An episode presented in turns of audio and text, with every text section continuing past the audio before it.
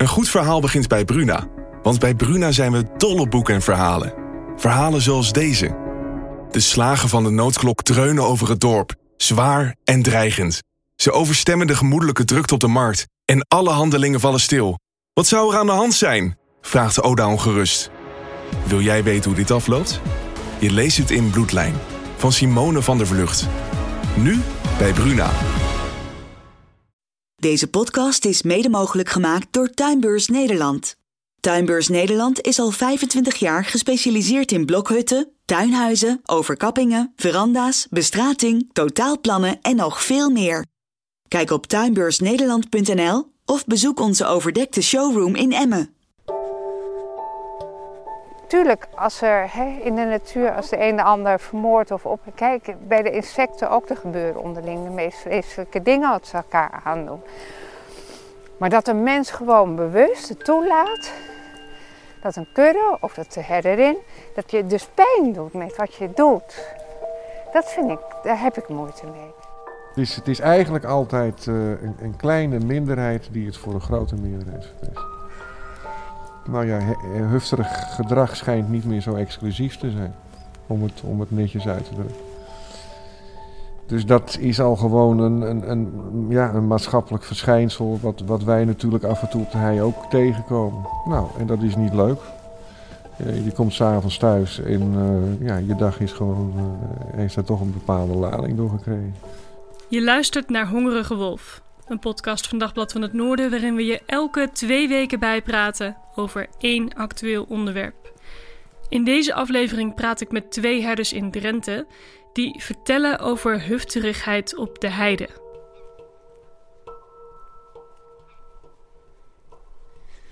De geluiden van de autoweg vervagen langzaam maar zeker zo'n beetje naar de achtergrond.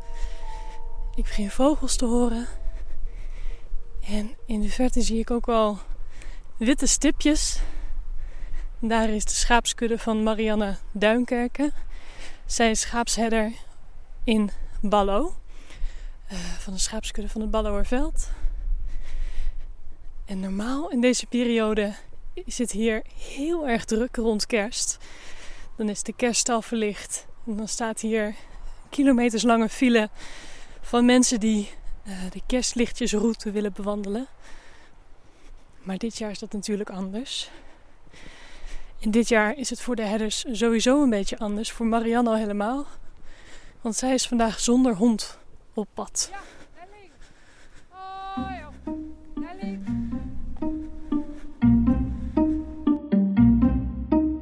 Ja, naar links. Naar links. Dan ga, nu horen ze wel dat ze iets moeten doen. En dan hoop ik ook dat ze het doen. Dat ze stoppen? Ze stoppen, ja. Maar nou kunnen ze dus twee dingen doen. Of keihard doorrennen, of inderdaad dan maar toch maar doen wat ik vraag. Nou, dat lijkt erop dat ze dat gaan doen, zie je wel. Ze trekken wat naar links. Zo naar links? Ja. Onvoorstelbaar. ja. Ja. Ja. Kijk, maar hier gaan ze een beetje lopen donderjagen. Ja. Dus... Uh, ja. ja. Met de koppen Dus als ze het zo zijn, dan kan je van alles van ze verwachten. Dus uh, voor hetzelfde geld stieren. Dus ik ga nog één keer roepen hoor. Ja, naar links. Vooruit, naar links. Ja, daar gaat ze. Marianne Duinkerke is gehuld in een dikke zwarte jas. Ze stapt onder het prikkeldraad door en loopt snel naar de kop van de kudde waar de schapen het pad opsnellen, terug naar de schaapskooi. Ja, naar links. Vooruit. Ze moeten de heide op. En dat kost toch wat meer tijd nu haar hond tijdelijk is uitgeschakeld. Kijk, nou komt de rest wel, zie je dat? dat is, eh, op, dit is ook de manier waarop ik weet als ik dus geen hond heb, die nog steeds gewoon thuis ligt. Dan eh, werk je zo anticiperend als je dan op een gegeven moment weet zo van oké, de kop, eh, je hoorde het net, hè? je hoort een paar schapen bladen, dus dan waarschuwen ze elkaar. En dan weet ik dat de rest volgt. En eh, ik neem daar gewoon de tijd voor. Dus het enige wat nu belangrijk is, dat ik even kijk daar aan de kop wat ze daar aan doen gaan. Of ze dan ook doen wat ik wil. Dus we moeten die kant uitlopen. Het is lastig werken voor de herder, zo zonder haar hond Lena. Wat er precies gebeurde, hoor je straks. Eerst gaan we naar Reinier van Klinken. Hij is ook herder, maar dan een paar kilometer verderop, in het Stroomdalgebied, in de kop van Drenthe.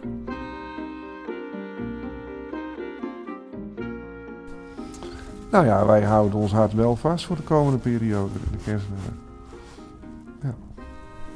En waar bent u dan bang voor?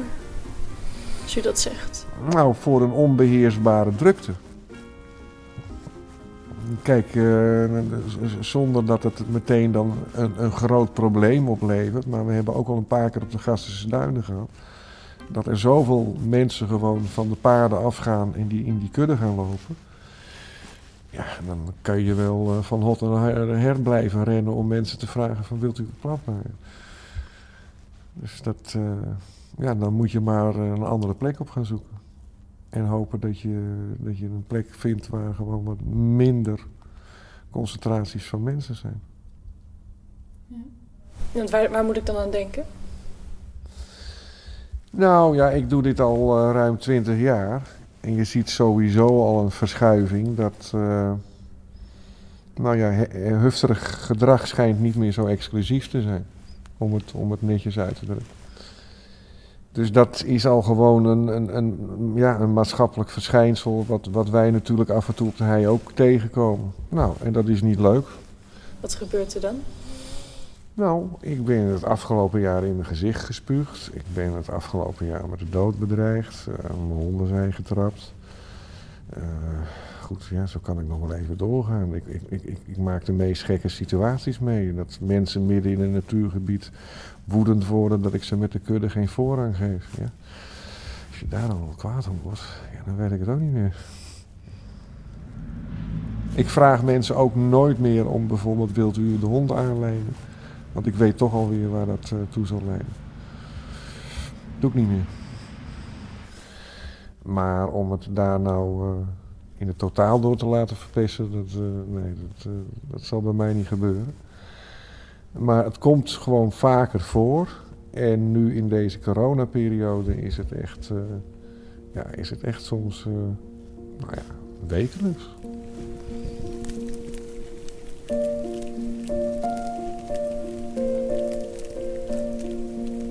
Terug naar Marianne Duinkerken. Ja, naar rechts. Vooruit. Ja, naar rechts. Vooruit. Hup.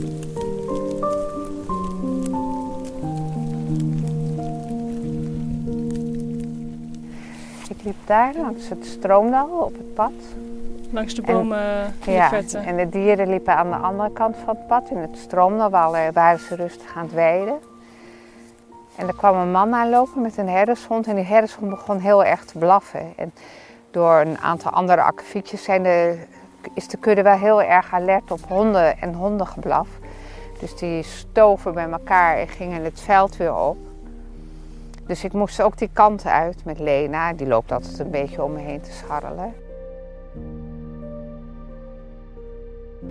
En die man liep op mij af en ik liep dus ook op hem af via het pad. En hij bleef tegen me schreeuwen en schelden. Doe die hond voor jou aan de lijn. En toen zei ik heel kalm en vriendelijk: Ja, maar meneer, ik ben hier aan het werk. Dit is de herdershond. Maar uh, hij bleef gewoon uh, schelden en tieren. En hij had een hele lange lijn aan de hond, dus een soort touw of zo. Die had hij ook om zijn middel geslagen. En die liet hij vieren en die liet hij gaan. En toen gaf hij de hond de commando om Lena aan te vallen. Nou, dat deed hij van harte, dus hij vloog er bovenop.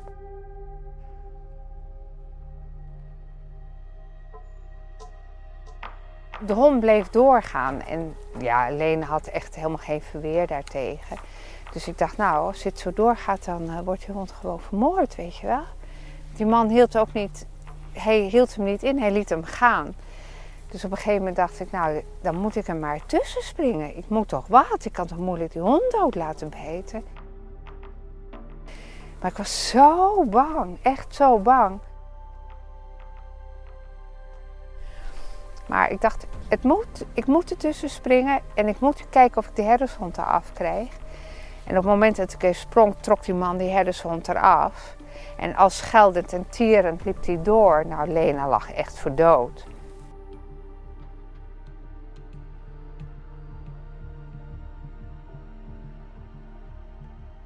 Dus ik heb eerst eh, Lena op de benen geholpen. En toen liep ik toch nog een stukje achter die man, want ik wou toch een foto van hem hebben. Ik dacht, hé, je weet maar nooit waar het goed voor is. Maar ik durfde ook niet te veel te doen, want ik dacht als hij die hond op mij weer afstuurt. Hij was zo onberekenbaar en niet aanspreekbaar. Dus toen ben ik naar Lena gegaan. Toen heb ik gelijk de politie gebeld. En uh, nou ja, sorry, we lopen in uh, Vries en we hebben geen tijd om bij je te komen. Terwijl op hetzelfde moment was de brede politie hier op het veld, maar die zijn niet gewaarschuwd en die zijn dus ook niet bij me gekomen. Nou, de kudde was ondertussen al verder het uh, veld opgetrokken. Dus uh, ik ben met Lena naar uh, de kudde gelopen. En we waren alle twee eigenlijk volledig in shock en in de war. Dus Lena bleef ook wel lopen. En toen we eenmaal bij de kooi waren, toen zijn we met de kudde naar de schaapskooi gegaan. En toen is Lena gaan liggen en die, die werd steeds zieker en zieker en zieker. En dinsdag begon ze ook heel erg aan, uh, aan de zij te likken. En toen was er een wond gigantisch open gegaan. Het was allemaal ontstoken. En waarschijnlijk nou, de, heeft de beet een, uh, een, een verwonding gemaakt in de bacterie. Dat is gaan sluiten, maar die bacteriën zijn toen doorgaan. Dus die wond die ging helemaal open. Toen kreeg ze ook uh, gigakoorts erbij. Toen ben ik direct naar de dierenarts gegaan. En die heeft toen onder narcose gebracht en geopereerd. En die wonden helemaal schoongelezerd. En uh, ja, en daarna knapte ze wel wat op. Maar de wond is nog steeds niet helemaal dicht. En er zit nog steeds heel veel vocht omheen. En de achterbeen is ook nog niet helemaal lekker. Want daar heeft de hond ook flink op zitten bijten. Dus ja, die is gewoon thuis. En wat, wat doet het nou met jou als, uh, als je hier zo rondloopt? Nou, ik, ik, ik kijk steeds meer om me heen. Ik ben veel alerter. Ik word sneller boos als uh, mensen toch die hond loslaten. Dus, uh, en met die herdershond ontstond er ook wel een soort van... nou, het, het, was niet echt bang zijn, maar wel een soort alertheid. Want ik woon dan bij de schaapschooi. En ik merkte de eerste nachten lag ik toch wat te luisteren. Zo van, is alles wel goed, weet je wel? Is het wel rustig en gebeurt er niks? Of... Dus het doet, het doet zeker wat met je. En ik ben er heel moe van. Ik, ik kan er nog steeds om huilen. Maar het wordt wel beter. Ja. ja.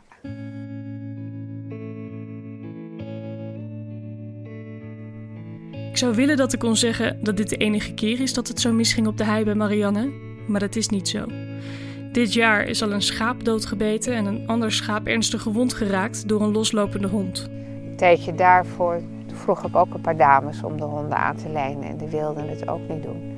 Maar dat hondje liep steeds richting de kudde, dus uh, toen heb ik tegen Lena gezegd, ga erachter. Dus toen heb ik het hondje gepakt. Nou, die vrouw werd zo boos, dus die probeerde me de hand los te krijgen van dat hondje. En dat lukte niet. Wauw, kreeg ik een gigantische klap in mijn gezicht. Dus mijn bril vloog af en Lena was, die schrok ook, dus die beet prompt die andere hond. Die, had het, die vond dat hij iets moest doen. In de wilde natuur is het boeiend, hè? het spel, de rauwheid van de, de natuurwetten. Alleen als het dan hier gebeurt, kijk als ik zie dat een, uh, een het een muisje pakt. En dat is een ander soort spel in de natuur als dat er gewoon een hond zo'n kudde in roust. Net zoals een wolf en dan alleen maar moord om het spel. En dat maakt het uh, denk ik ook zo zinloos. Het is zo zinloos. Het is zo zinloos dat die man gewoon zijn hond, mijn hond, weet je wel, pijn doet. De, het zinloze daaraan. En op zulke momenten komt dat dan naar boven en dan komt ook het bewustzijn ervan dat ik eigenlijk ontzettend uh, vergroeid ben met uh, de dieren en het, en het veld. En zo'n hond, weet je wat, die is altijd bij je. Wat je ook doet, wat je ook zegt, die, die is er altijd. Dus als dat dan zo ongenadig breed gepakt wordt, dan, dan komen ze ook aan, merk ik dat, ik dat dat heel veel met me doet. Ja, had ik nooit gedacht. Nog steeds vraagt Marianne aan hondenbezitters of ze alsjeblieft hun hond aan de lijn willen doen. Niet alleen voor haar schapen, maar ook voor de verdere rust in de natuur. Zoals bijvoorbeeld de reeën die er ook rondlopen. Maar het, het, het is nog niet voor jou dat je zegt: uh, het neemt uh, de liefde voor het vak weg. Nee, dat zit zo diep. Ja, ik ben net zo'n oude boom. Die is hier volgens mij. Uh, ik ben zo geworteld hier. Ben, je doet natuurbeheer, ik ruik de dieren, ik voel de dieren. Als ik ergens ga zitten lezen en ik voel ook meteen als ze er vandoor gaan. Je hebt, het is een uh, wisselwerking in gevoel. En als je alleen maar wandelt, heb je dat niet.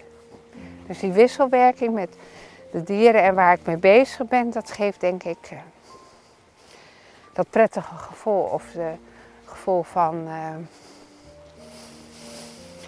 ja, dat je iets aan het doen bent. Of uh, de zin, de zin van het zijn buiten op het veld.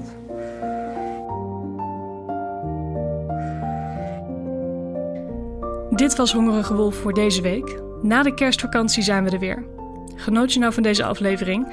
Laat dan een recensie achter in de podcast-app. Dan help je ons zodat meer mensen de podcast kunnen vinden. Dit is een podcast van Dagblad van het Noorden en hij is mede mogelijk gemaakt door Tuinbeurs Nederland. Mijn naam is Marlijn Knol en de eindredactie deed Joep van Ruiten. Veel dank aan schaapherders Renier van Klinken en Marianne Duinkerken.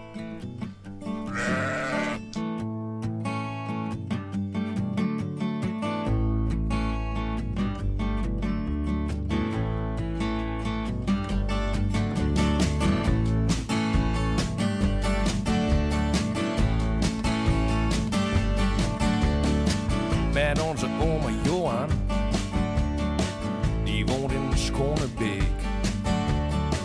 Gingen wij eenmaal als kinderen fietsen in de laatste week van een grote vakantie door Bargerveen. Er zaten heel veel ouders waar oma Johan zee, oma Johan zee. Ze ben another for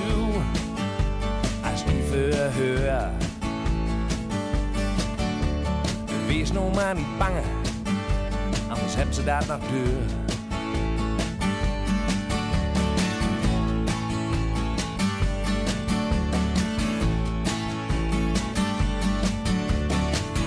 Met een alle vriendin was ik destijds in Canada. Met een Canadese ex van haar zo maar. Gingen wij de bakken in, dagen wandelen in de wildernis. En ik zie continu, daar lopen beren, ik mij niet vergis.